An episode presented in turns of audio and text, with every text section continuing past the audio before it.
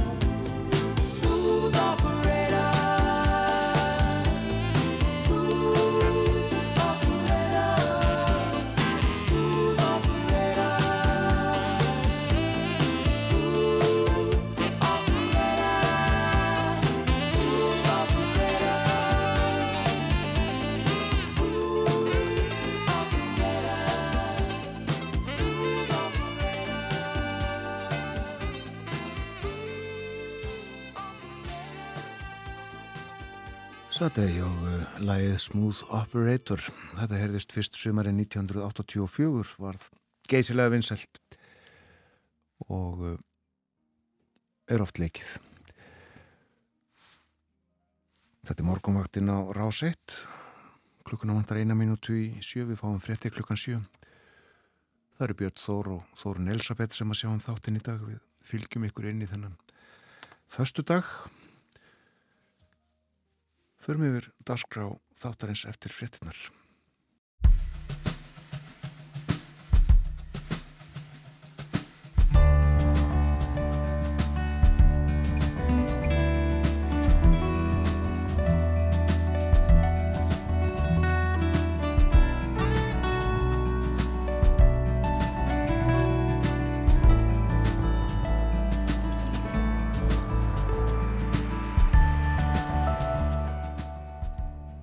Góðan dag.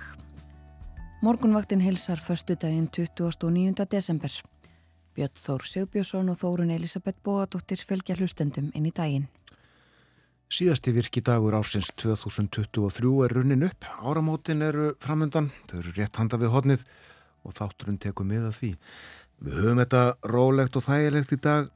Tölum svolítið um Gunnar Gunnarsson, skáld og skriðuklustur og einnig um áramót á Hallormstað. Og við rifjum líka upp hvernig áraði í strandasíslu árið 1898 þegar strandamenn stopnuðu kaufélag. Við leikum líka viðtal frá því sumarum sérkenni Íslendinga eftir landslutum. Tölum aðeins um áramóta heitt og það sem lesa má um örlög okkar úr stöðu stjarnana og himni. Og svo heyrum við brot úr áramótaskaupi útvarps frá 1982. Einhvern veginn svona verður morgunvaktin þennan morgunin. Við hugum að uh, veðrinu og uh, sjáum að það er fimpul kuldi sumstaðar á landinu 20 og tveggjastega frost til dæmis á grímstuðum og fjöllum. Og uh, kaldara á eða við flugullin á Suðakróki Alessanders flugull, minnir hann heiti það næstum 23 stega frost þar var núna snemma í morgun, eldsnemma í morgun. Og enn kaldara við mýva 24 stega frost.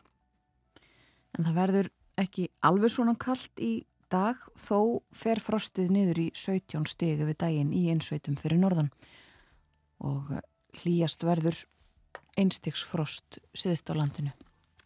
Það verður hægur vindur, austlægur, 3-8 metrar á sekundu og víða þurft og bjart en snjókoma siðist á landinu og stöku jél við norður og austur ströndina. Á morgun áfram austanátt 5-13 metrar á sekundu og kvassast siðist Það verður víðadáli til snjókoma af og til en áfram úrkomu lítið vestan til.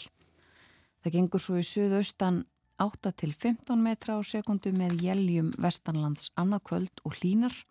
Frostið verður 0 til 10 stig. Á gamlársdag er útlet fyrir hæga breytilega átt og stöku jél en á gamlárskvöld koma skíl inn á austanvertlandið.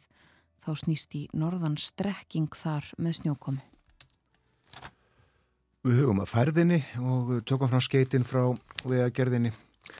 Þau sem komin eru Suðvesturland, hálka, hálkublettir eða snjóþekja á flestum leiðum. Vesturland, hálka eða hálkublettir á flestum leiðum. Það eru ekki komnar upplýsingar um stöðum ála á vestfjörðum. En við sjáum þó að uh, þar er ímist hálka eða hálkublettir. Nú, uh, Norðurland, hálka eða snjóþekja á flestum leiðum. Þæfingsfærði fljótum og ófært í almenningum. Norðausturland hálka eða snjóþekja á flestum leiðum, ófært á Dettifossvegi og það er hálka eða snjóþekja á flestum leiðum á Östurlandi, ófært á Öksi og Breidalsheiði. Snjóþekja eða hálka á flestum leiðum á Suðurlandi. Nú uh, þá lítu við í morgumbladið eða á forsýðu þess og uh, þar er greint frá því að Fanna Jónasson, bæjastjóri í Grindavík, er manneskja ársins að mati lesenda Smartlands. Og á fórsíðinu mynd af honum og uh, einnig mörtu Marju Vingel Jónasdóttur sem er umsjónamaður Smartlands sem að uh, afhendi Fannari Jónasinni glaðningi gæri eins og segir hér. Og hann segir, ég er auðvitað bara mjög þakklátur fyrir þessa hugulsemi hjá lesendum. Ég líti á þessa tilnefningu sem heiður fyrir grindvikinga Ég er ekkert annað en bara talsmaður þeirra. Ég vil þakka lesendum blaðsins fyrir að sína okkur þessa samkend sem við höfum fundið fyrir. Já, Fannar Jónasson bæjastjóri í Grindavík vel að þessari viðkenningu komin. Kjaramál eru til umfjölduna líka á fórsíðum morgunblaðsins en uh, fyrsti fundur uh, þessa nýja bandalags stjættafélaga með samtökum aðtunlífsins fór fram í gær. Fyrsti formlegi fundurinn þar að segja og uh, við heyrum ekki betri fréttunum í gær en að tónin hefði almennt verið góður á þessum fundi vilja ná fram þjóðarsátt, segir hér í fyrirsögn.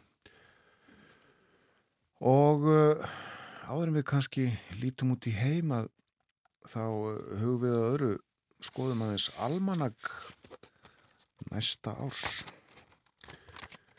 En uh, það eru tól rauðir dagar á virkum dögum á nýja árinu.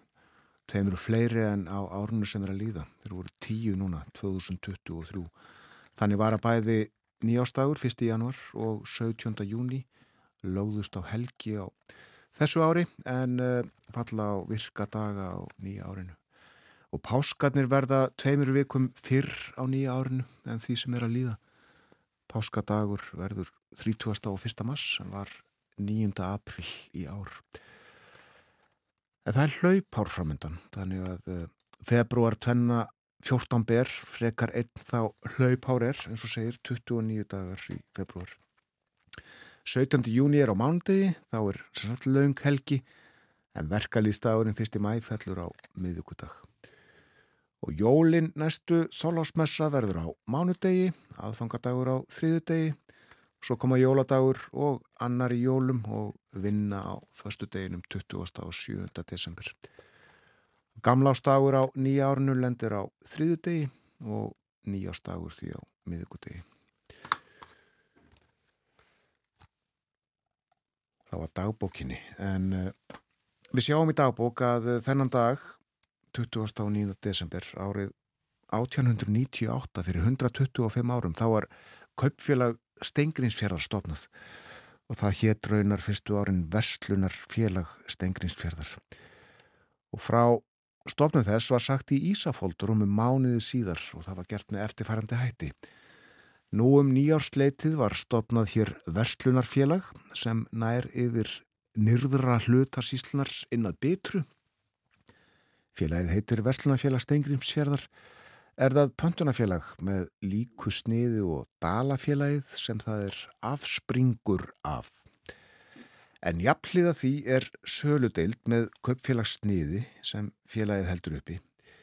Hefur hún fyrir veldufje kaupfélagssjóð þess en hann skapast af, á þetta er svolítið snúið, fjórum prósentum sem lögð eru á alla aðflutta vöru hver félagsmaður er skildur til að leggja þegar í kaupfélagssjóð í minsta lagi 10 krónur og svo árlega 4% af allri vestlunsinni við félagið og allan ágóða af vestlunsinni við sölu deildina. Unsan hefur eignast jafn mikla fúlgu í kaufélagsjóði og nefnur árlegri vestlun hans við félagið að meðaltali síðustu ár til yfnum líkur. Þórun, þetta var svolítið flókið. Já. Eh, sérstaklega fyrir okkur sem ekki höfum verið í, í, í kaufélagi. Akkurat. En eh, svona var þetta. Og það var sem sagt tíðindamadur Ísafaldar í strandasíslu miðri sem að sendi blaðinu fréttina um nýstofnaða vestlunafélag en hann hafði nú frá ímsu öðru að segja í pisli sínum. Og þetta var svona yfirleitt yfir nýliðið ár 1898 árið sem leið var að vísu ekkert hardinda ár hér um slóðir en ekki heldur hagsaldar ár og má fremur teljast meðal hinna lakari. Veturinn í fyrra var meðalvetur en vorið ákaflega kallt og gekk því fjenaður fremur illa fram. Var unglambadauði ódæma mikill á mörgum bæjum við sjó og mun það hafa orsakast af óhollri fjörubeitt, kulda og gróðurleysi að vorinu, fremur en fjörubeitt að vetrinum sem víða er umkent. En það er sem víðar óleist rannsóknar efni fyrir dýralagnana. Fjegekk víða illa úr ullu um vorið og reyndist ullin venju fremur létt. Kendu bændur því almennt um að fjeg hafi verið baðað höstinu áður. sögðu að baðið þvægi alla söðfyttu úr ullinni. En þeir sem halda fram böðunum segja að ullarlos á fjennu og léttleiki ullarinnar síðastliði vor sé óviðkomandi böðunum og stafi af vorkuldanum og megurð á fjennu. Reynslan mun skera úr hverir réttar að hafa fyrir sér því að hérna munu þó einhverjir halda áfram árlegum böðunum. Sumari var kallt og votviðrasamt, heiskapur varð fram undir það í meðalagi og nýting all góð því þerriflæsa kom á allt öðru kóru, svo hei rögtust eigi að mun. Kálgarðar brúðust algjörlega. Fjérindis létt og rýrt til frálags, engum hið vetur gamla. Verslun var óhagstæð og kaupmenn gengum með harðasta móti eftir skuldum. Engum er það komið ljós að höstafli brást algerlega á steingrimsfyrði. En honum höfðu margir treystum of og leift sér í skuldir til að auka útvegsinn því að góðfiski hafi verið undan farin ár. Haustveðráta var einn besta fram yfir veturnætur en eftir 12. november brá til megnustu ótíðar með útsinnings, ofviðrum og fannfergju svo allur fjenaður kom á gjöf. Um sólstuðunar gerði blota og kom þá upp snöp á stökustað. En víðast helst hagleysið þanga til nú í fyrstu viku þorra að góða hláku gerði. Sakir aflaleysisins og hinnar óhagstæðu verslunar voru margir með lakasta móti undir þennan vetur búnir með bjargræði og ekki er útlitt fyrir að bótverði á því ráðin því að matfuru löst er sagt að sé í öllum nálægum kauptúnum. Það kom til orðaði höst að reistirði á voru komanda Íshús í Húsavík við Stengrimstjörð og félagssetta laggir í því skinni en fremur mun vera döft yfir þeim félagskap og lítill áhugi og trúa því máli almennt má vera fiskileysið í höst hafi dreyið kjarkur mönnum. Eitt spór var þó stígið í framfara áttina í þessu byðalagi síðastliði ár það að all margir menn tóku upp þann síð í haust að hyrða hross til átu. Hefur það verið óþægt hér áður og stökumenn telja slíkt aðtafi ganga næst algerðu guðleysi en þeir eru langsamlega í minni hluta og þeim sem reyndafa þessa nýbreytni fellir hún svo vel að þeir undrast það mest að þeir skulu ekki hafa fyrir laungu tekið upp þennan gamla og góða síð forfæðrana og varpað frá sér henni heimskulegu hjátrú og hindurvitnum gegn rossakjöts átinu sem kostar þjóðina ógrinni fjár á hverju ári. Frett úr stengrinsfyrði miðrum, miðjum í Ísafóld í februar 1899 annál frá árunu áður.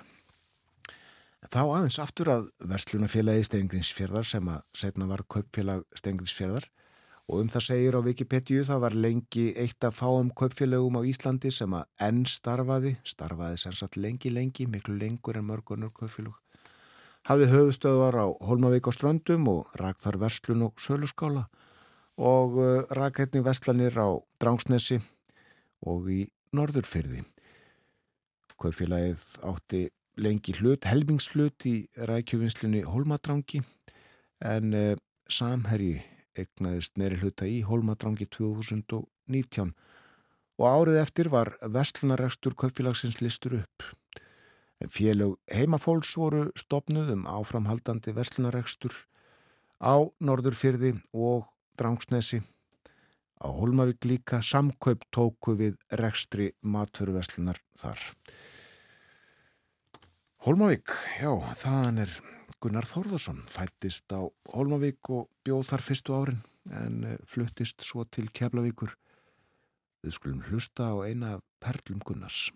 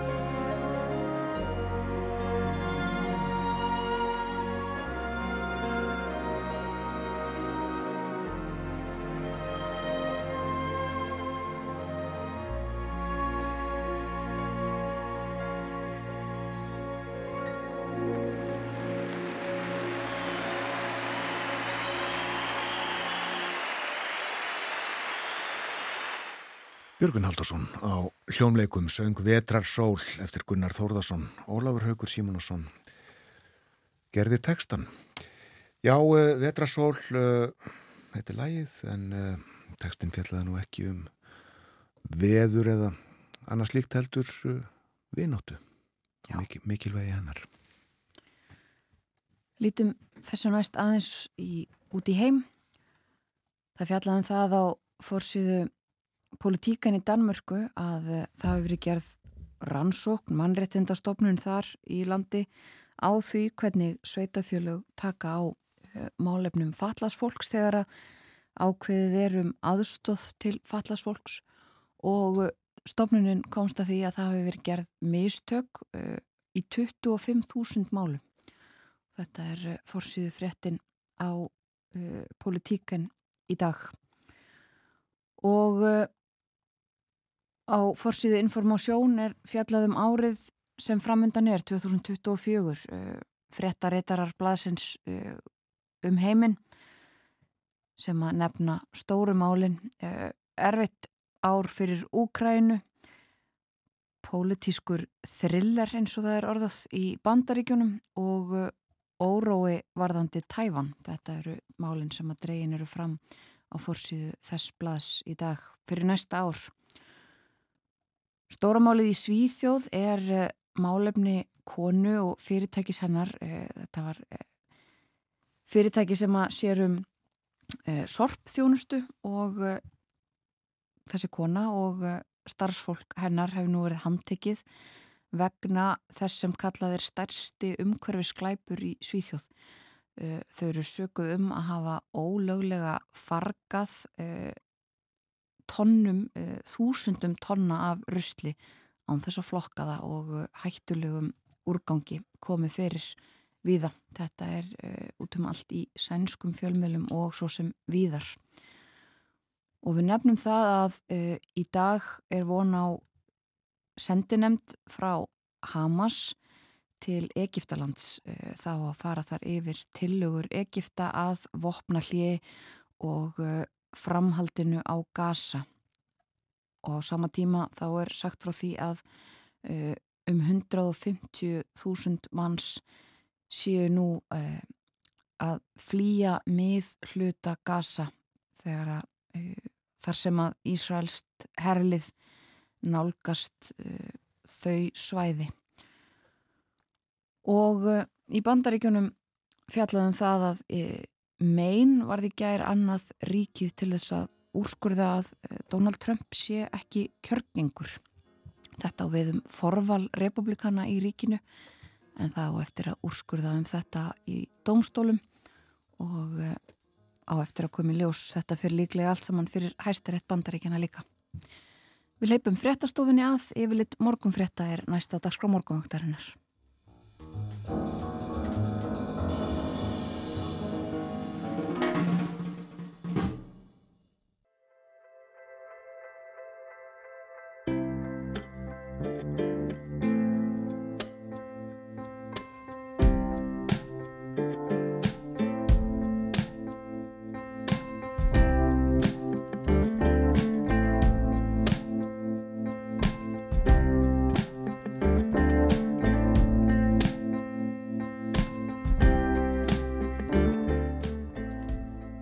Sæl á ný. Þetta er morgunvaktin á ráseitt. Klukkan orðin liðlega hálf átta þennan förstudags morgun. Það er 29. desember í dag, síðasti virkidagur ársins 2023. Og við höfum hér á morgunvaktinni milli jóla og nýjárs leikið nokkur viðtölur þættinum frá því fyrra á árinu. Í sumar vaknaði hér umræða um sérkenni landsmanna eftir því hvar þeir búa. Er fólk á Austurlandi öðruvísi en fólk á Vesturlandi? Skulum rifja þetta upp. Í síðustu viku áttu við hér í þættinum samtal við Ragnhiði Jónu Ingimarsdóttur. Hún er sveitastjóri í Þingaðarsveit og við spjöldluðum um daginn og veginn, um uh, heiskap og ferðarþjónustu og náttúru, undur og ymslegt fleira. Ragnhiður tók við starfinu í mass síðastlinum en hún var áður sveitastjóri í Húnaþingi vestra. Grípum hér niður í lok viðtalsins. Hmm. Ljúkum þessu á, á uh, fólkinu. Er munur á húnvetningum og þingaengum? Sko, ég held að þið best kannski að vísa bara í hann hérna, skólabróðuminnan Gísla Einarsson og, og hvernig fólk var til að fara á síningunni í hóna, þar tekur hann karakter enginni allra, allra hérna, alls landsins og allra svæða og ég því að segja ekkert meira um það. Þetta er allt svona gott fólk, það er ég að segja. Já, það er vast Hérna karakter enginni en, en, en hér er á báðum þessu stöðum er mikið á góðu og skemmtilegu fólki. Já, Þannig að hérna, ég held að, held að hérna, við getum lesið karakterenginni frekar í gegnum svona, svona skemmti dagskrála eins og hjá Gísla. akkurat. Ég hef kannski að heyri í honum. Akkurat. Ragnæði Jóna á morgunvaktin í síðustu viku og ég hafði sem sé samband við Gísla Einarsson og hann er í hljóðstofu á Akureyri. Heil og sæl, góðan dag. Komið sælblessuð. Þú hefur í ára tvíi haft atvinnaði að fara um landið og tala við fólk eh, bæði fyrir útvarp og sjónvarp, engum landan auðvitað og, svo ertu með þessa síningu, ferðabók Gísla Einarssonar en Korki ekki snibjarna Jú, passar. og uh, þú skorast ekki undan þegar þú ert beðin um svona í talinu og gjöm þegar uh, gömul skólasýstir uh, stingur upp á því Sko, fýblunum skal á forræðið etja og, og hérna, það er bara þannig og, og Ragnhildur Jón er náttúrulega borgverðingur, þannig að hún er mjög hóær og, og varfærin. Já, eins og þú þeirra karakterenginni. Já, sko, ég er líka þar á austan, þannig að hérna, við kannski förum yfir það eftir. Það er svona, það er svona verða þarna ákveðin, svona, hvað segja, áreistarar sem sem að kannski geta valdið eitthvað eitthvað svona frávikum í, í karakter sko. Þegar þeirra, þeirra blanda saman landslutar sko. en þetta er, þetta er ekki sko, þessar staðalmyndir og þessi þessar míturum um hérna einkenni einstakar landsluta þetta er ekkert uh, út í bláin sko. Þetta er ekki mýta þó að sé grínast með þetta og þetta er náttúrulega þeir uh, í, í, í hérna þetta sem að sem að þú nefndi sem að ég er að, að, að byrla þannig og var að síðast núna í, í hérna á Svalbardströndi í, í gær hérna í þrótahúsinu þar með, með hérna fyrir fullu húsi fólk sem að, sem að hérna mætti og, og, og, og hlusta á þennan bóðskap og tók vonandi alvarlega. En, en, en hérna málið er að, sko þetta e, þetta byrjaði með þeim Eggert og Bjarnar sko, hérna, sem að fórum landið og þeir, þeir voru náttúrulega bara mjög hvað segja, opiskáir í sínum lýsingum og, og það er svona það sem ég greipaði svo lofti og, og, og margir reyndar bara gengum tíðin að skemmt sér yfir að lesa þeirra lýsingar á til dæmis sunnlendingum sem að einhvernum ástæðan virðist eins og þeir leggja fæð á sko, því það, það er sko, í hverjum einasta landsluta sko, þá er vísað í sunnlendinga að, að, menn, þetta er allavega ekki einn slæmt á Suðurlandi og, það er náttúrulega bara algjörlega ósæðangjart og hérna þeir, þeir tala eins og að mér fallega um borgfyrninga og það þykir mér, mér væntum og hérna skakfyrninga fárendar svolítið útræðið þjá þeim en, en, en þetta er hérna og ég er ekki að segja að þetta sé rétt sem þeir segja, en, en alls ekki. En, það sem er, þeir hafa rétt fyrir sem ég að það eru misjánmældi karakterengin og auðvitað hafa náttúrulega eh, sérstaklega senni öldum áratugum, þá hafa náttúrulega fólk blandast, þetta var náttúrulega þannig að hérna lengi vel að sérstaklega náttúrulega og skaftafellsíslunum þar fór, þar voru bara hérna það voru bara allir skildir sjálfum sér það, það var ekkert segjum til þess að menn voru umkringdir hérna, umlugtir jökulfljótum þannig að menn fóru ekkert í burtu til að sækja sér makanum að bara, það var það bara skipur ekki eða eitthvað. En hérna En, en svo hefur þetta náttúrulega blandast meira en samt sem áður þá halda einnkynni sér, Já. vil ég meina. Já, sko, þetta, nefnum það bara fyrir fólk sem ekki veit að þeir Eggert og, og Bjarni e, voru á ferðinni 1700 og eitthvað mikið. jú, 1772 kom bókin út að þeirra voru kring 1750 sem að þeir fengu styrk frá Danskaríkinu og fóru hérna um í fimm ár til þess að stundar rannsóknir á mannlífi og náttúrufari og, og gáðu þennan uh, þarna 20 ára setna, þennan mikla dóðrand sem að reynda að koma ekki út á íslensku fyrir 43, 1943 en, en hérna ferðabók ekkert svo bjarna sem er bara eitthvað merkilegasta, en það dag í dag svona merkilegasta heimildum um hérna svona bara Íslanda fyrir á öldum. Já, og síðan eru liðin 250 ári á. Já. En uh, þú sem sagt uh, sérð ennþá á okkur uh, það sem að þeir sá og skrifuðum á sínum tíma. Að einhverju Já, leyti. já, ég er bara er penni að, orða það. Sko þeir töluðum að menn væri úrkynjaðir og þeir töluðum að hérna meðal nefndu þeir að, að fólk hérna í sjáasíðuna væri ófríðara en, en fólk hérna voru uppsettum og ég er náttúrulega eitt ára afdal þannig að ég tek undir þessu kenningu og hérna, fagna henni. En hérna, það er, neini, það er ákveðin karakterenginni og, og, og hérna ég held að, að það sko, þó, þó svo að, að fólk hafi blandast náttúrulega mjög á milli landsluta, þá, þá er það kannski svolítið líka í loftinu, það er svona stemmingin og, og hérna svona bara svona hefðin og sem, sem, að, sem að lifir áfram eins og, eins og þetta þekktast það náttúrulega með að, með að þingaengar séu montnir mm -hmm. og það er ekkit ljótt til það, það hérna, sko, þeir eru og þeir bara gangast við því allavega flestir sem ég þekki og, og hérna og málið er nefnilega það sem er fallegt við, við þingaenga á þeirra mont að, að það, það, þessu fylginningir hróki sko, þeir eru ekkit með, með að líta, tala niður til annar eða líta niður á aðra.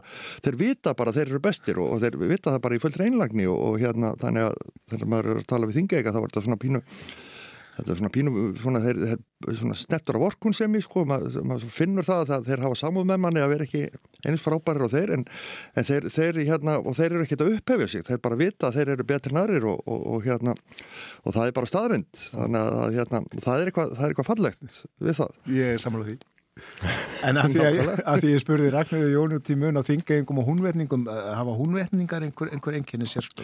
Sko þeir eru miklu lokaðri sko og, og hérna svona, hvað segja, þeir, þeir eru hérna algjör anstaðmyndi segja við, við þingaengar sko, þeir, þeir hérna, þeir eru bara pinnit inn í sig. Ég sko hef reyndar náttúrulega bara góða reynslu af húnutningu, ég bjóð þar í ett ár í hún á síslónum en, en kom þángað úr, úr skagafyrinum. Þannig að það var kannski svona, það er sannmarbröðu sem er kannski ekki alveg sangjart sko því að sko, hérna, þegar ég flutti í skagafyrin bara títur sko þá var manni tekið opnum ormum og maður bara kynntist fólki hérna sko bara fyrsta degi og hérna og þeir skakfyrringar opnir, skemmtilegir og, og hérna náttúrulega mjög líflegir og, þannig að hérna úr hófi framstundum og hérna sem er frábært en, en hérna svo kemur maður í húnáðsíslun og það er sko hérna þar eru mér svona aðeins svona varfærnari og, og lokaðri sko en, en virkilega gott að vera það reyngu síður og, og gott fólk en, en hérna þeir eru ekki eins, ekki eins brattir og, og hérna og fjöruðir og skafringarnir og það er sko þessar mítur eiga bara, þær, þær eru starrið ég hef bara hérna sannreint það á eigin skinni. Búið á báðum stöðum og hérna og, og, og bímerskafringi, gifturskafringi þannig að ég er búin að rannsaka þetta alveg hérna skipulega.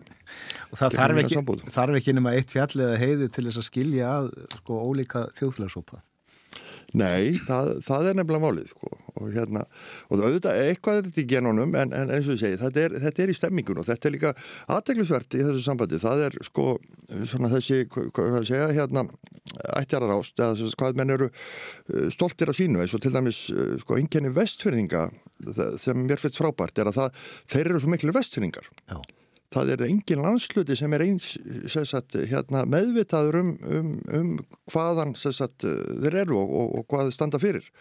Sko, hérna, ég bý á Vesturlandi og það, sko, hugtæki vestlendingur er bara mjög lítið notað, svona aðeins öðrið í senni tíð, það má segja ekki eftir að hérna að hér er svo að tala um Skessuhóln uh, hérna fyrir 25 áru slettum hérna hóf uh, útgáfu þá og, og með Mark Hópin Vesturland. Fram að því hafði hugtæki vestlendingur uh, bara mjög lítið verið notað og hérna En, en þannig að, að hérna, og meira sér að þannig að, að vesturland hverfur svolítið inn í vestfyrði, svona bara í óberi stjórnsýslu, þar er hérna, þar er minn ennþá svolítið í þessum vest, eh, hérna, lendinga fjörðungi og þar er hérna, og taka þá bara, þannig að vesturland er svona flýtur einlega með vestfjörðum og, og hérna, en það, það hérna, sko, vestfyrðingar, þeir eru ekkit feimnir við að segja hvað þeim koma, sem er, sem er frábært. Sko. Akkurat. En, en er eitthvað annað sem að einnkynni þá finnst þér heldur en einmitt þetta að vera óbúslega ánaðir með það að vera að vestan? Sko, það er hérna, sko, svona ímyndin er svolítið að þeir eru allir skeggjaðir með lóppessu. Og í lóppessu sko en, en hérna það er, gefur ekki alveg rétt að mynda það er svona það, svolítið sama menn kannski í markasetningu eh, má segja lagt á tímbili ómikla eh, áherslu á Múkisson og, og fleiri sem að hérna, flotta að kalla. En það er náttúrulega mikið af flottum konum og það hérna.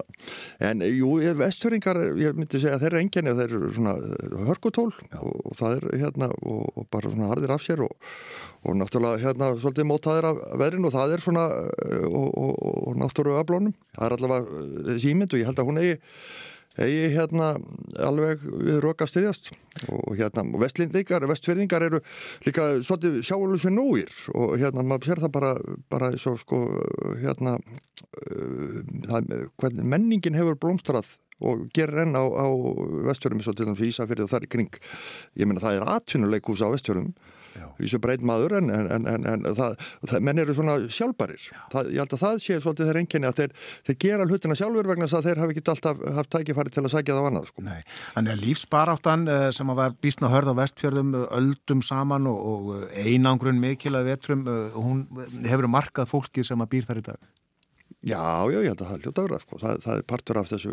Og þetta er, og þetta er líka, sko, svo er líka málið, sko, svo er svona ákveðnar hvað séir það, ímyndir sem að menn vilja gertan bara sko viðhalda og, og, og, og hérna ganga svolítið kannski upp í að, að, að vera og eins og með vestfjörningar, vestfjörningar eru og mér að segja hérna margir sem að eru, eru ekki dendilega búið ekki þar en, en, en, en telja sér vestfjörningar bara vegna þess að langa maður að var það sko. mm. þannig að þannig, það, það, það, það er náttúrulega fallegt að menn vilja gertan vera hérna vestfjörningar þannig hafa menn náðast stimpla inn þessa þessa hérna ímynd um að vestfjörningar eru, já þeir eru bara flottir og, og hérna og það er ekki hægt að hugsa þessi betri árangur í markasetning og landsluta heldur en, heldur en það. Heldur en flott fólk.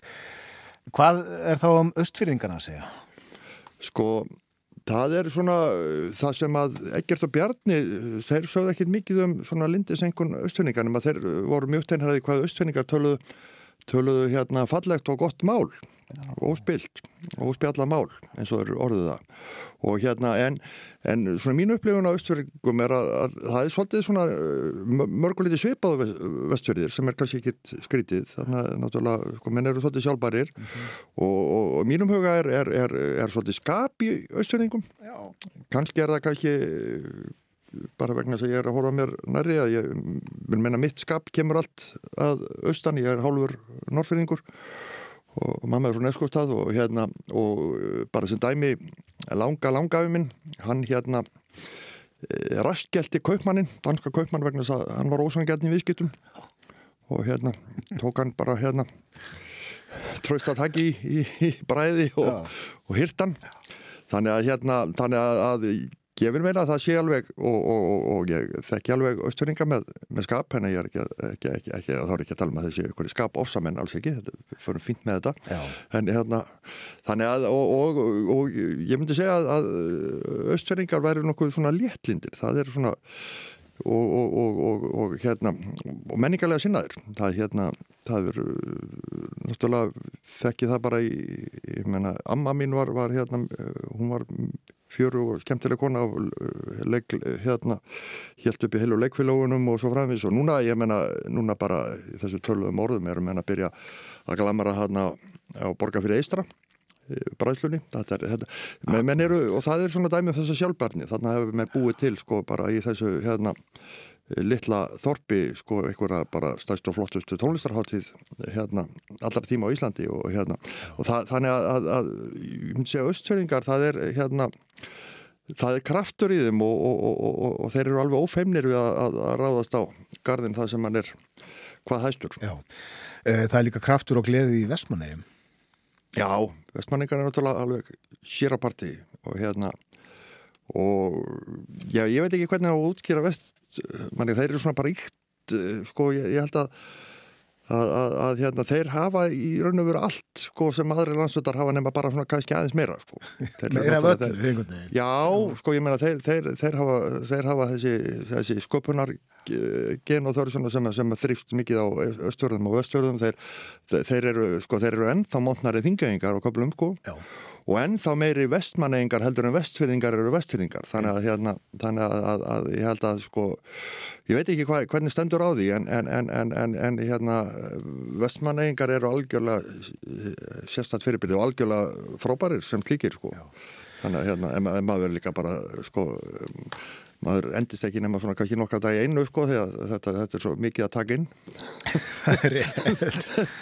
Og svo blandast þetta allt saman með einhverjum hætti og alls konar hætti í reikvikingum Já, sko það er náttúrulega, Reykjavíkingar eru sko hafa fram að þessu einn ekki verið til sko. Nei.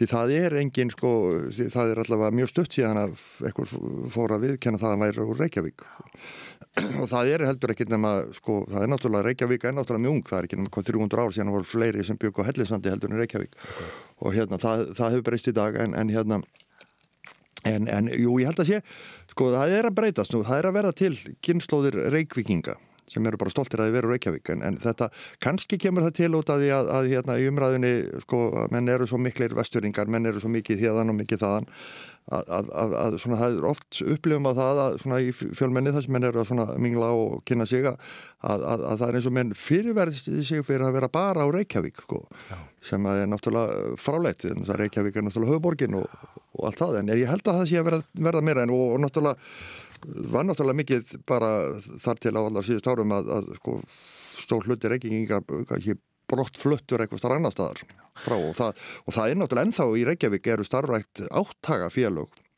östverðinga, strandamanna og svo framvegis. Þannig, þannig að það hérna, þannig að fyrir vikið hefur Reykjavík kannski svona uh, þróast þessi stað, já, það, það hafa það hefur svona kannski hægt á því að það hafi orðið til svona orginal reykvikingar, en ég held að þeir séu allavega ég veit um nokkara sem, sem eru alveg hérna, ofheimnir við að viðkjanna það að þeir séu bara úr breyðholtinu eða, eða vesturbarnum. Já, þeim fjölgar einmitt, já ég er reykvikingur en ég er ættaður af vestan eða Já, austan, það, það er svolítið mikið þannig sko. og er enn Akkurat. Gísli, þetta var skemmtilegt. Takk að kellega fyrir að varpa ljósi á íslenska þjóð. Takk fyrir mig. Gísli Einarsson, sjónvarsmaður í hljóðstofu á Akureyri og eigum við ekki að hlusta á hljómsveit allra landsmanna stuðmenn.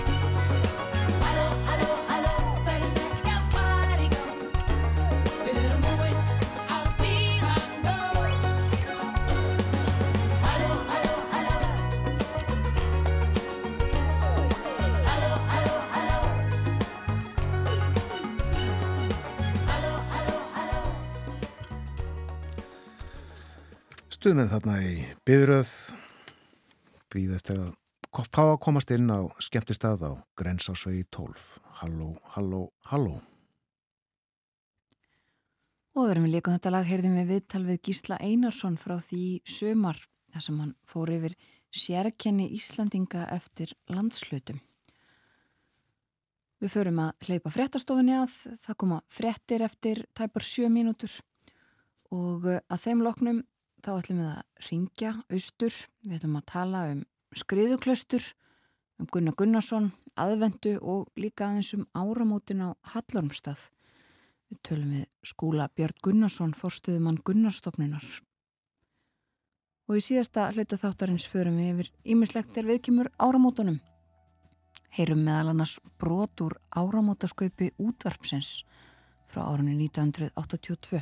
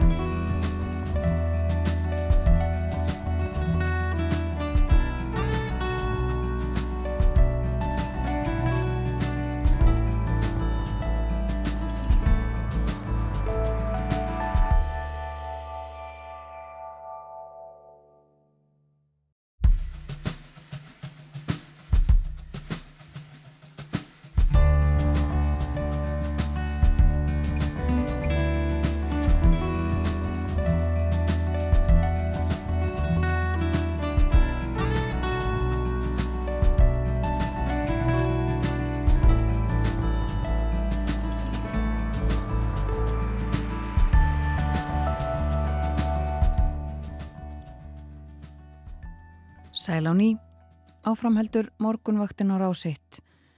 Klukkan tæpar 6 mínútur gengin í nýju og það er föstu dagur í dag, 20. og 9. desember. Við höfum setið hér frá því fyrir klukkan 7, Björn Þóru og Þórun Elisabeth og gerum það áfram í tæpa klukkustund til. Þetta er síðasti morgunvaktar þáttur ársins, enda síðasti virkidagur ársins í dag. Og eh, fyrir fréttinnar þá heyrðum við viðtal sem við áttum í sömar við Gísla Einarsson sjóasmann töluðum um sérkenni Íslendinga eftir landslutum.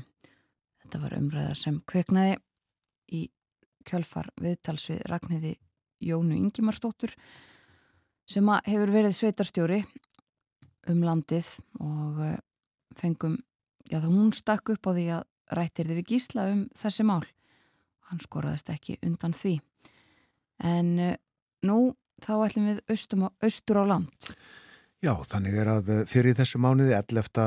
desember rifiðu við upp að þá voru liðin 75 ár síðan hjónin Gunnar Gunnarsson Skáld og Franziska gáðu ríkinu skriðuklustur, jörðina og húsakostin og uh, þar á meðal reysulegasta íbúðahús landsins og okkur datt í huga að uh, spjallaðins um skriðuklustur, uh, svolítið um Gunnar og ímislegt fleira.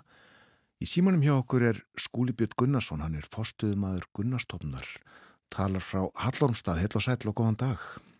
Já, góðan dag, komið sæl. Kondu sæl. Uh, hefur þú litið út, jáfnvel stungið nefn út? Það er svolítið til að stinga nefn út, sko, en það er, það er svona 13 stegar frástíðna. Já. Eða svo, en stilt viður og snjóður í trjám. Fallegt, vantarlega, og sér það þegar það tekur að byrta? Já, já, það er mjög jólalegt hér á Hællandstað. Búið að vera stilt, stilt í marga daga. En þarna verður kallt eða ekki? Það getur alveg orðið það, þetta er svona smá frostpollur hérna í og fljótið auðvitað sem að hjálpa nú aðeins til með að það fer ekki alveg eins langt niður og, og kannski annar staðar. Einmitt. Og uh, þarna ekki langt frá þér er skriðuklaustur og þar hefur þú uh, verið er það ekki með annan fótinn allavega í að verða alda fjórðung. Jú, það er nú víst að verða svo langt. Ég tók við þessu starfi sent á, já, rétt undir lók síðustu aldar eins og maður er að fara að segja. Já. Sent á árun 99. Og þá uh, um það vil tveimur árum áður hafði Gunnar stopnun verið komið á fót ekki satt. Jú, það er, það er þá 97 sem, að- sem hún verður til. Já. Hver er starfsemin á skriðuklaustri og í Gunnar stopnun?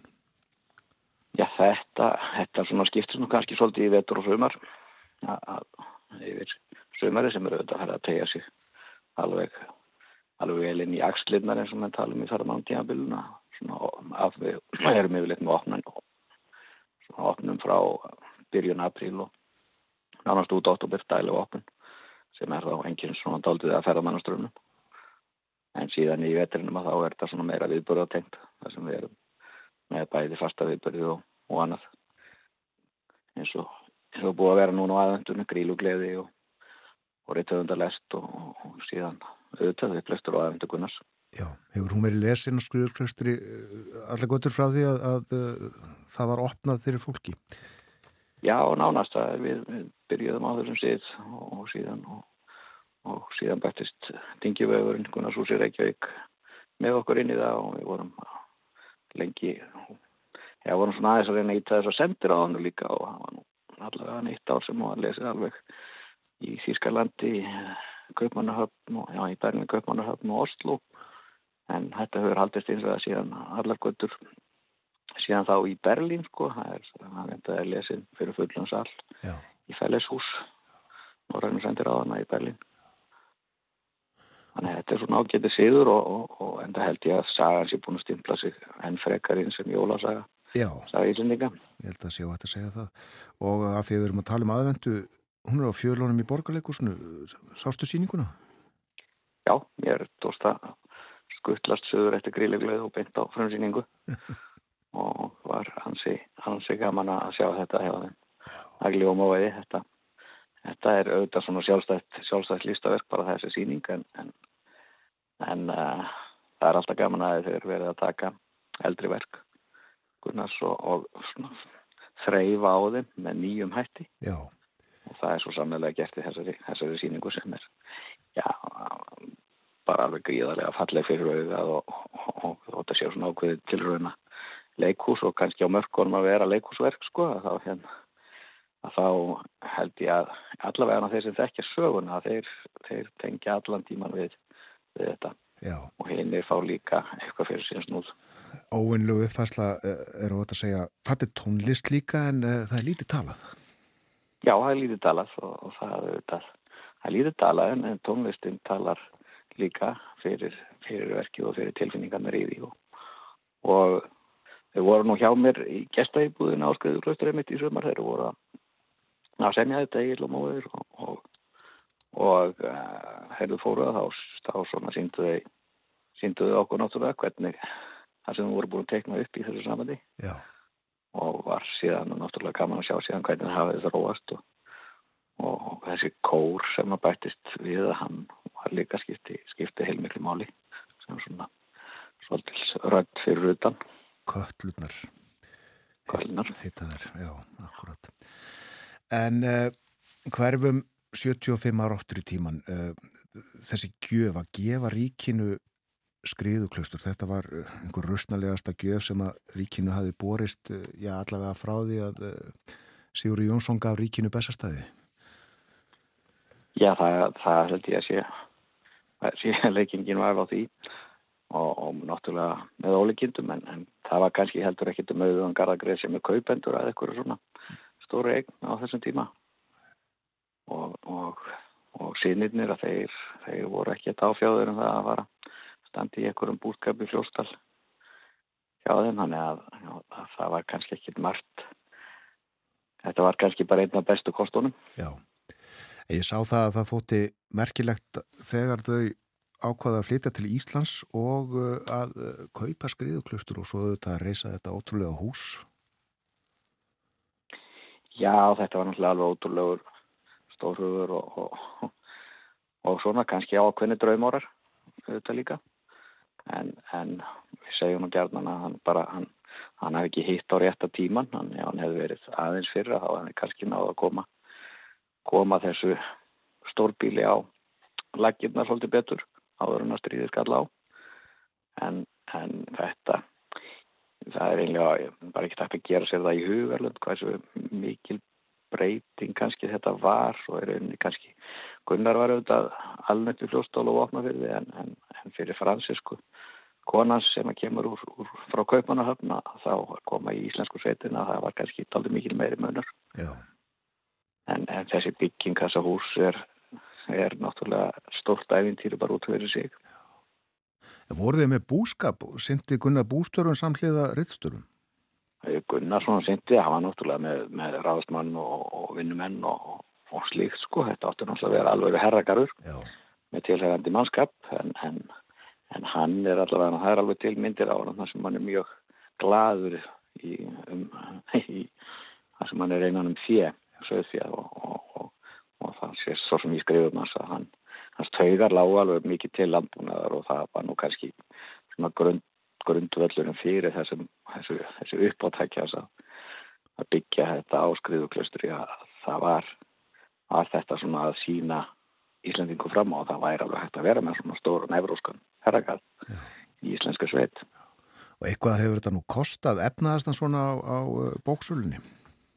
Já, það er, hann fer náttúrulega bara út með tvær hendur tómar og, og, og gerir í sjálfum sér aldrei annað í, í heldur en að skrifa í útlandum eftir að, eftir að, að hann tóst að koma sér inn á reyndvöldina þá frá 1912 þá er, þá er hann bara þá er hann bara skrifandi frá þess að borgarættarinn kemur út. Já, akkurat Gunnar... og þetta, já, já, þetta kostiði náttúrulega gríðarlega mikið. Þetta, þetta, þetta kostiði eins og tíu einbilsús í Reykjavík í byggingu á þeim tíma. Já, kannski svolítið stærra heldur en þau því að þetta er ennþá að lista yfir tíu stærstu einbilsús landsins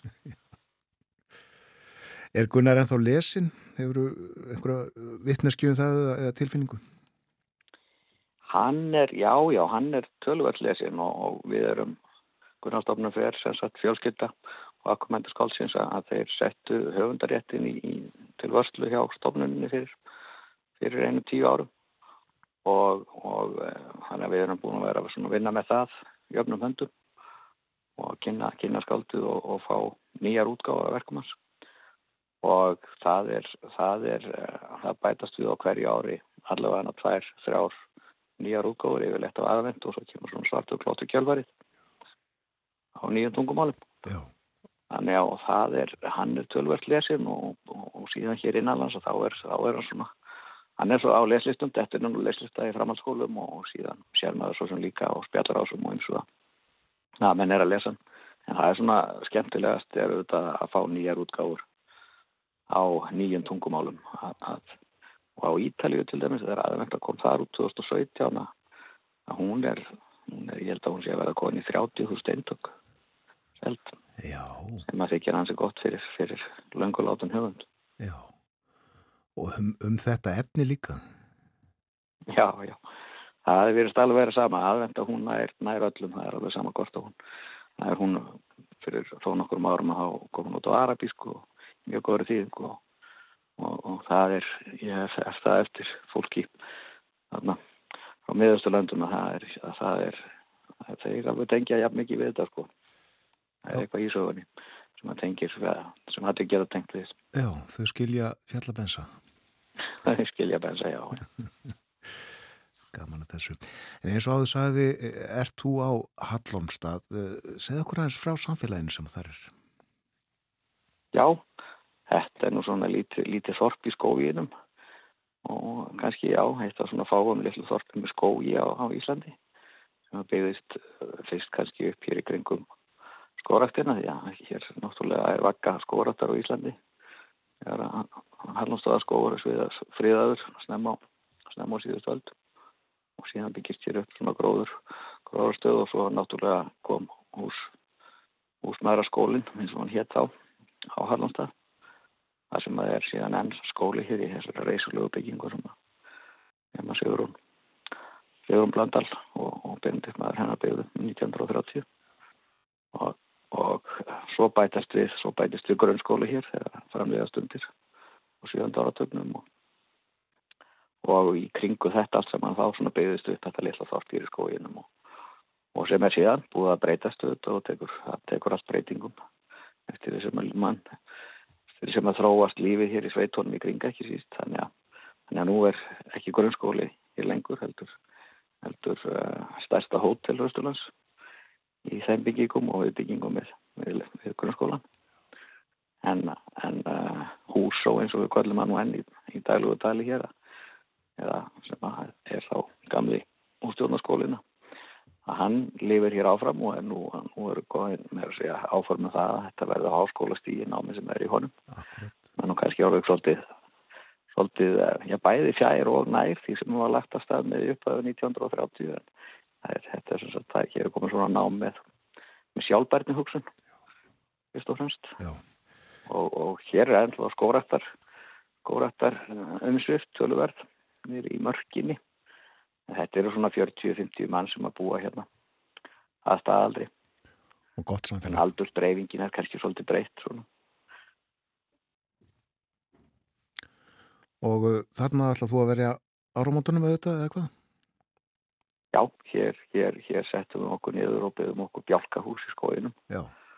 og, og, og hér eigðum við, við áramótunum í í fjölskyldunar og það verður nú sennilega, það týðskæðist nú lengi hér á Hallnóstað að vera svona með krenka brennu en það er nú farið að draga úr öllu slíku og flugveldarskot er nú hér í miklu lágmarki orðið til þess að rúf ekki kýrskóvarins.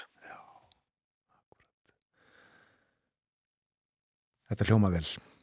Tilhúsin um uh, áramóta á Allonstað er góð. Við ætlum hér uh, að uh, leika tónlist sem er byggð á aðvendu.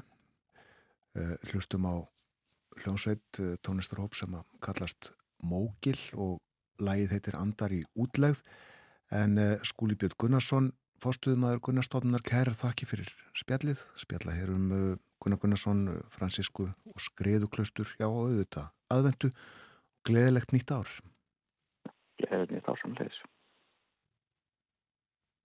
Heyrir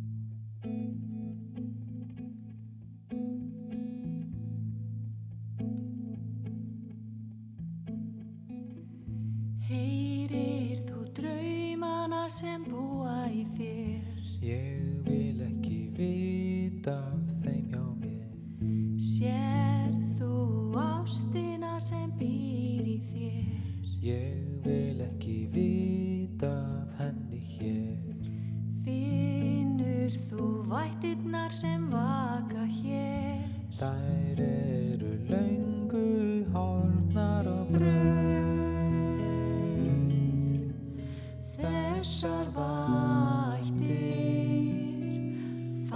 mér í skaut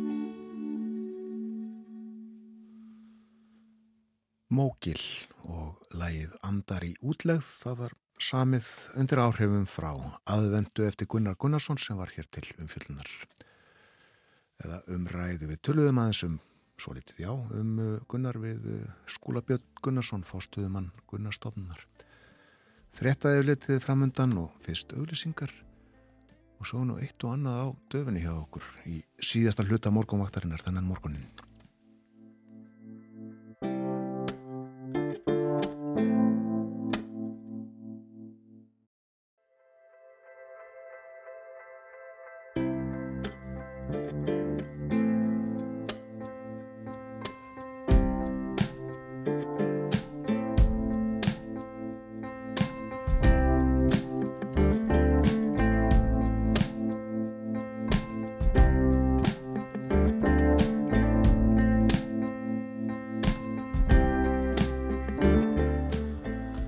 ný, þetta er morgunvaktin á rás 1, klukkan réttliðilega hálf nýju, það er förstu dagur í dag komin 20. og 9. desember.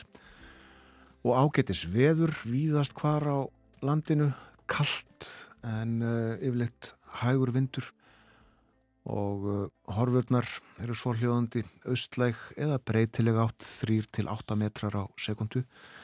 Víða þurft og bjart en snjó koma síðst á landinu og stöku jél við norður og austuströndina.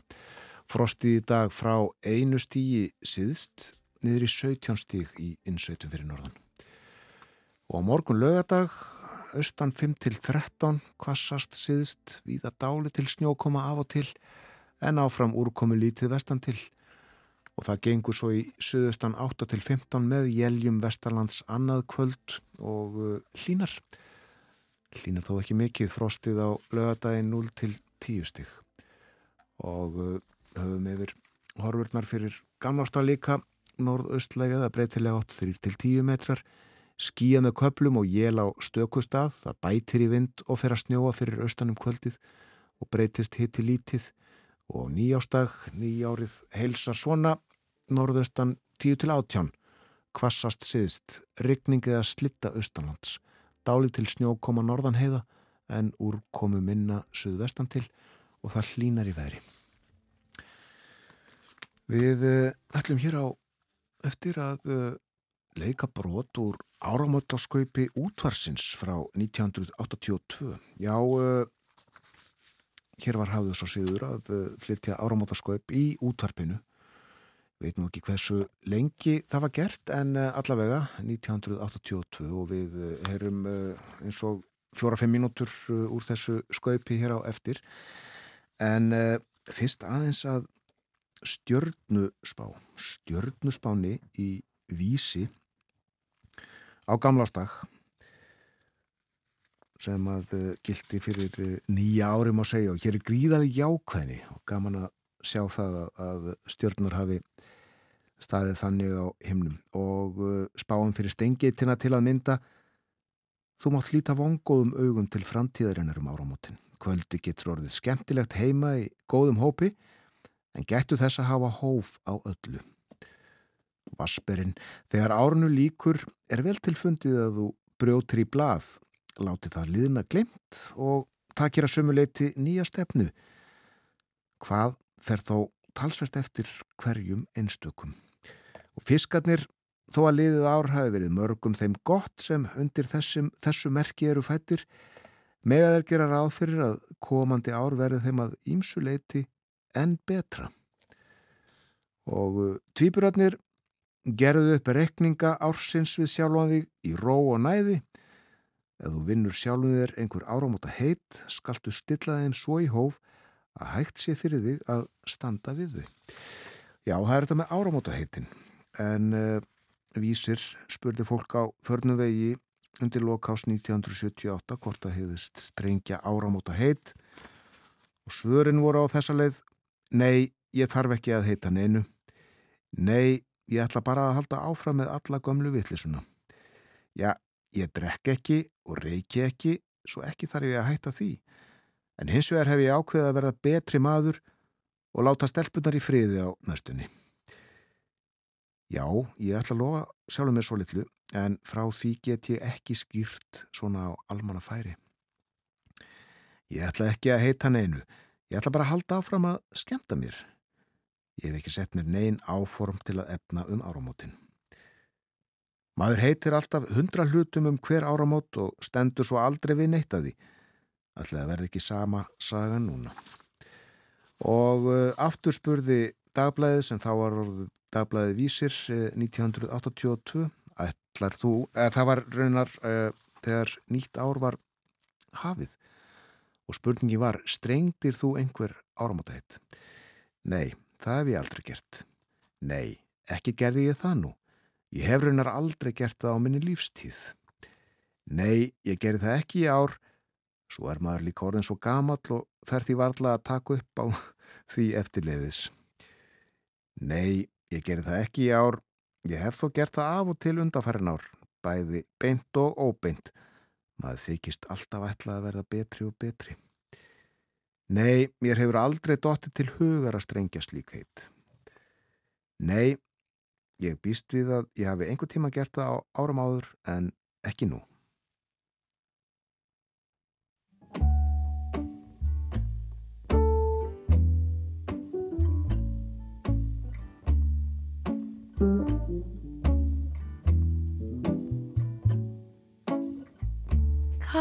Kanski er ofsnefnt að segja hvað er hvað.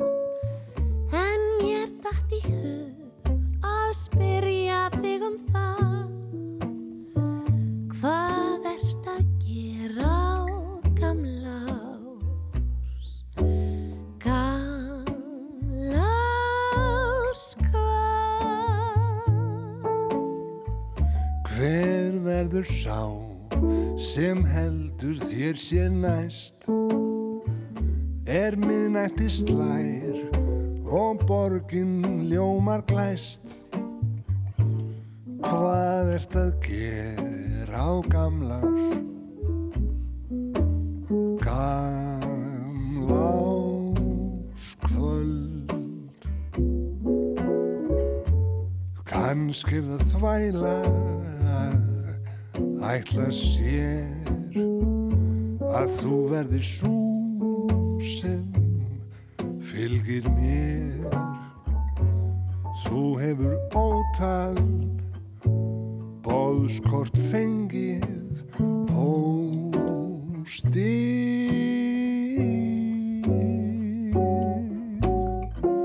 En skildi ég gugna daginn fyrir djam Er hérna spurning? Ég slengi henni fram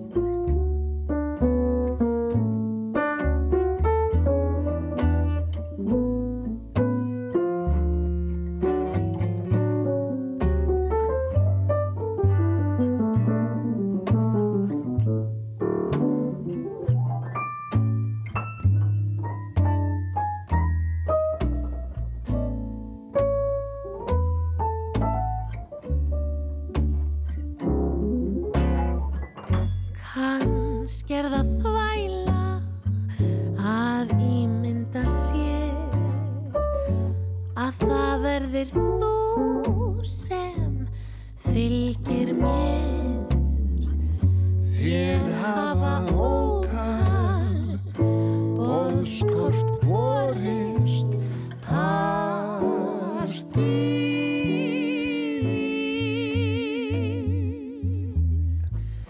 En ef ég svo gugna daginn fyrir djam er aðeins einn spurning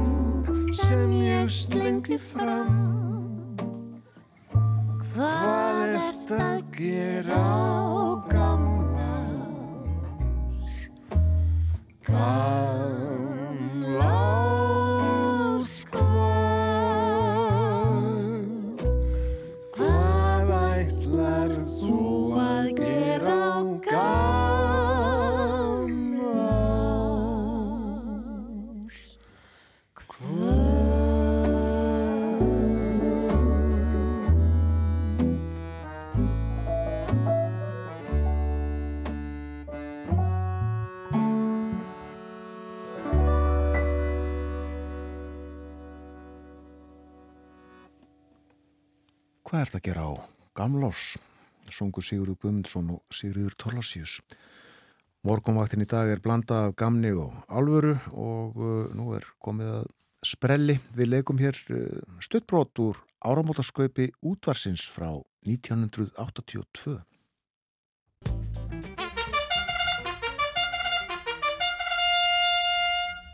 Frá myndbandaklúpi bústaða Fella Breiðholts og Árbæðasokna. Myndbandaklúpurinn auglýsir. Dagskrá íslenska sjónvarsins er lokið en við erum ennþá í fullu fjöri og rétt að byrja. Í nótt sínum við Ástir Guðrúnar Ósvíðustóttur og Svallaði Snorralaug, tvær sagnfræðilega kvikmyndir frá Klagfilm HF, myndir sem voru bannar á ráðstefnu Alþjóðasambands frjótekna í Venusbergstad í sumar. Leikundur allir félagar í hinnu íslenska búkmyndafélagi. Var Guðrún Ósvíðstóttur eins læm hún vildi sjálf vera láta? Þorði styrmir fróðu ofin í laugina með stelpunum? Þið fáið svar við þessum spurningum ef þið horfið á útsendingu myndbandaklúps bústaða, fella, breiðholts og árbæðasokna. Það er nú allt gott og blessað, en við ætlum nú að leita svara við síkildri spurningum veðrið. Næst á dagskrá eru því veðufregnir frá veðustofu. Við skiptum yfir á millibar.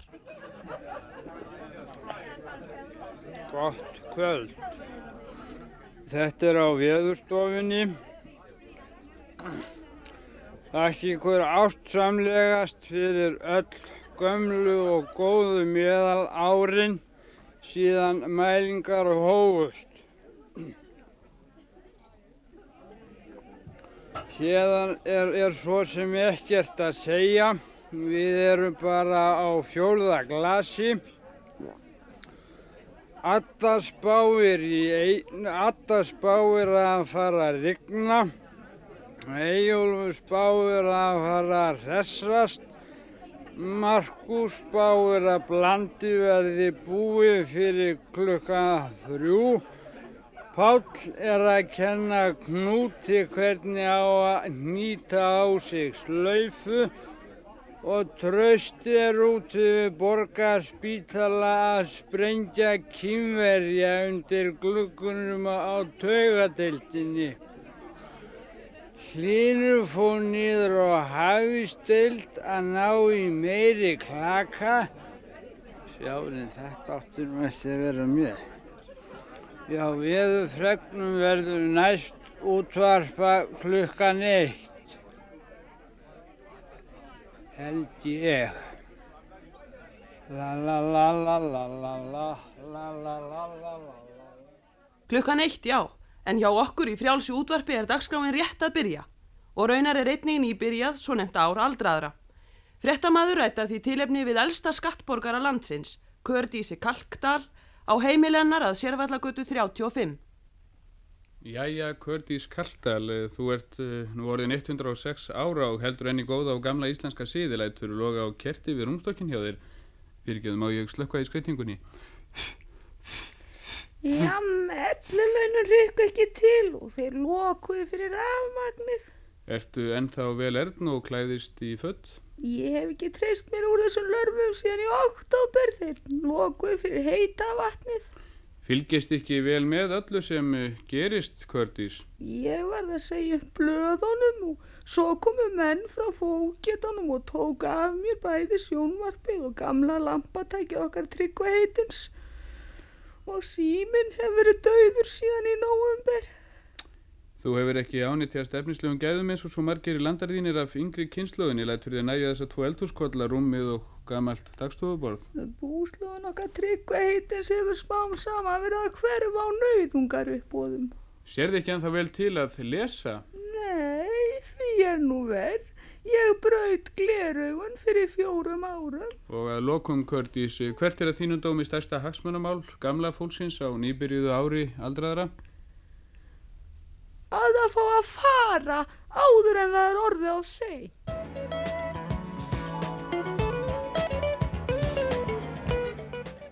Við skulum skála fyrir í Kalkdal og óska henni alls góðs á nýja árinu.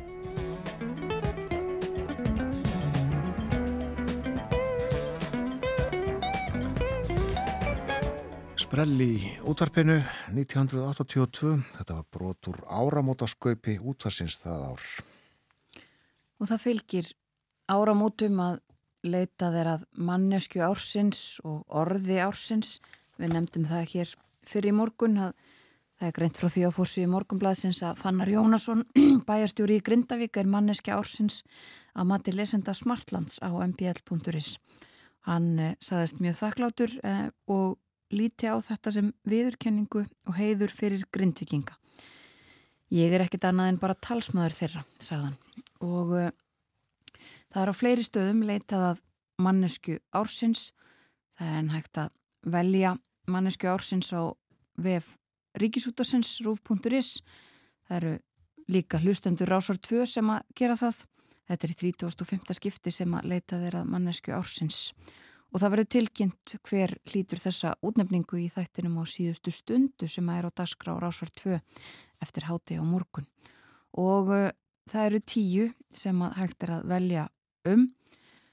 Bjarni Benediktsson, utaríkisráð þeirra, Björgunarsveitin Þorbjörn í Grindavík, Edda Björg Arnardóttir, Móðir, Ester Harðardóttir í Bónus, Fannar Jónasson, bæjastjóri í Grindavík, Inga Sæland, Þinkona og formáður flokks fólksins, Karolína Elisabethardóttir, Bondi í Kvamslíð, Lauvelín Jónsdóttir, tónlistarkona, Sema Erla Serdóglú, baráttukona og Víði Reynisson, yfirlauruglu þjóðn Almannavarnasviðs. Þessi tíu koma til greina og þá er kannski rétt að rifja upp hver hafa hlotið þessu útnefningu síðustu ár.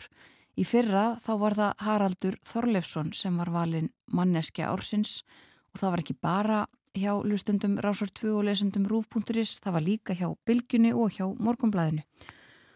Það var óumdeldur sem manneskja ársins í fyrra. Árið þar á undan var það Þórólfi Guðnason, þáverendi sótvarnalæknir sem að, e, var kjörinn manneskja ársins og e, raunar hlaut hann þessa útnefningu tvö ári rauð því að hann var jú hluti af þríeikinu sem var manneskja ársins árið 2020 hér hjá Ríkisútarpinu. Og þetta kemur í ljós sem fyrir segir á morgun en 3. januar líkur kostningu um orð ársins. Það eru orðin bakslag, farsælt, gerfigreind, gikkskjálti, kvalveiðibann, íslenska sömarkonan, kornflutningar, mannúðarhlje, móttökubúðir, neyslurími, sigdalur, strókulags, tunnuskipti og útfösun sem að koma til greina sem orð ársins að þessu sinni og gefa svona ágættis yfirleitt yfir árið sem er að líða, held ég að megi segja. Í fyrra var það þriðja vaktin sem var orð ársins og árið 2021 var það óróa púls. Þessi ár uh, velur átnástofnun líka orð ársins, í fyrra var orðið innrás og árið 2021 árið bólus, orðið bólusetning. Þetta verður uh, kungjört hjá Rúf uh, þegar að menningar viðurkenningar Rúf verða kynntar á rásitt þann 7. janúar á 13. En þetta eru sem sagt uh, fylgi, eitthvað sem fylgir áramótonum á hverju ári við höfum nefnda hér fyrr í desember að Time tímaritið valdi Taylor Swift sem mannesku ársins þar. Það hefur verið valið lengi og ætlum við förum ekki nánar yfir manneskur ársins víðar á nýju ári. Við höfum að hafa eins yfir uh, veðurhorfurnar fyrir uh, næstu daga. Það er ágætis veður í dag, austlag eða breytilega átt og hægur vindur, viða þurft og bjart en snjókoma siðst á landinu og stöku jél við norður og austurströndina. Áfram austanátt á morgun, viða dáli til snjókoma af og til en áfram úrkomu lítið vestan til. Og það er frost í dag, aðeins minna frost svo á morgun og á gamlársdag er útlut fyrir hæglætisveður. Breytilega eða norðaustlega átt 3-10 metra á sekundu, skíða með köplum og jél á stökustaf. Það bætir í vind og fer svo snjóa fyrir austan um kvöldið og hiti breytist lítið. Það verður hægletis veður og þá þarf að huga að loftgæðum vegna flugelda. Þegar að ekki blæs mikið þá getur, geta loftgæðin orðið slæm þegar við skjótum upp gríðarlegu magni flugelda eins og gertir hér á landi. Við skulum heyra eitt lag, þetta er eh, einhver vinsalasti tónlistamæður ársins 2023, Una Torfadóttir, lagið heitir Í lungumáli. Hvenær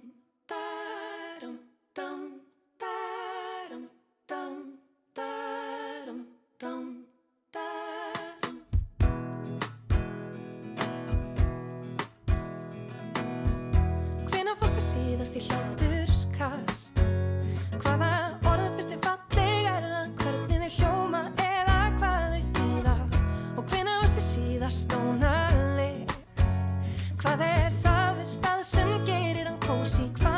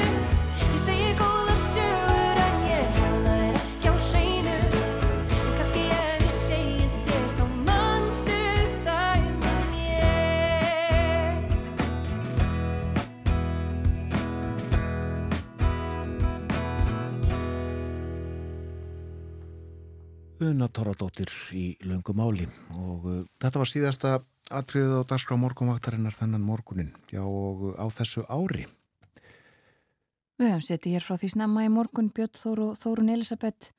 Gerum það aftur á nýju ári. tökum okkur já, uh, frí yfir helgina og á mándaginn, nýjástag en uh, heilsum hress og kátt á þriðutags morgun næst Við vonum að þið njótið dagsins helgarinnar áramótana. Gleðilegt nýtt ár Verið sæl.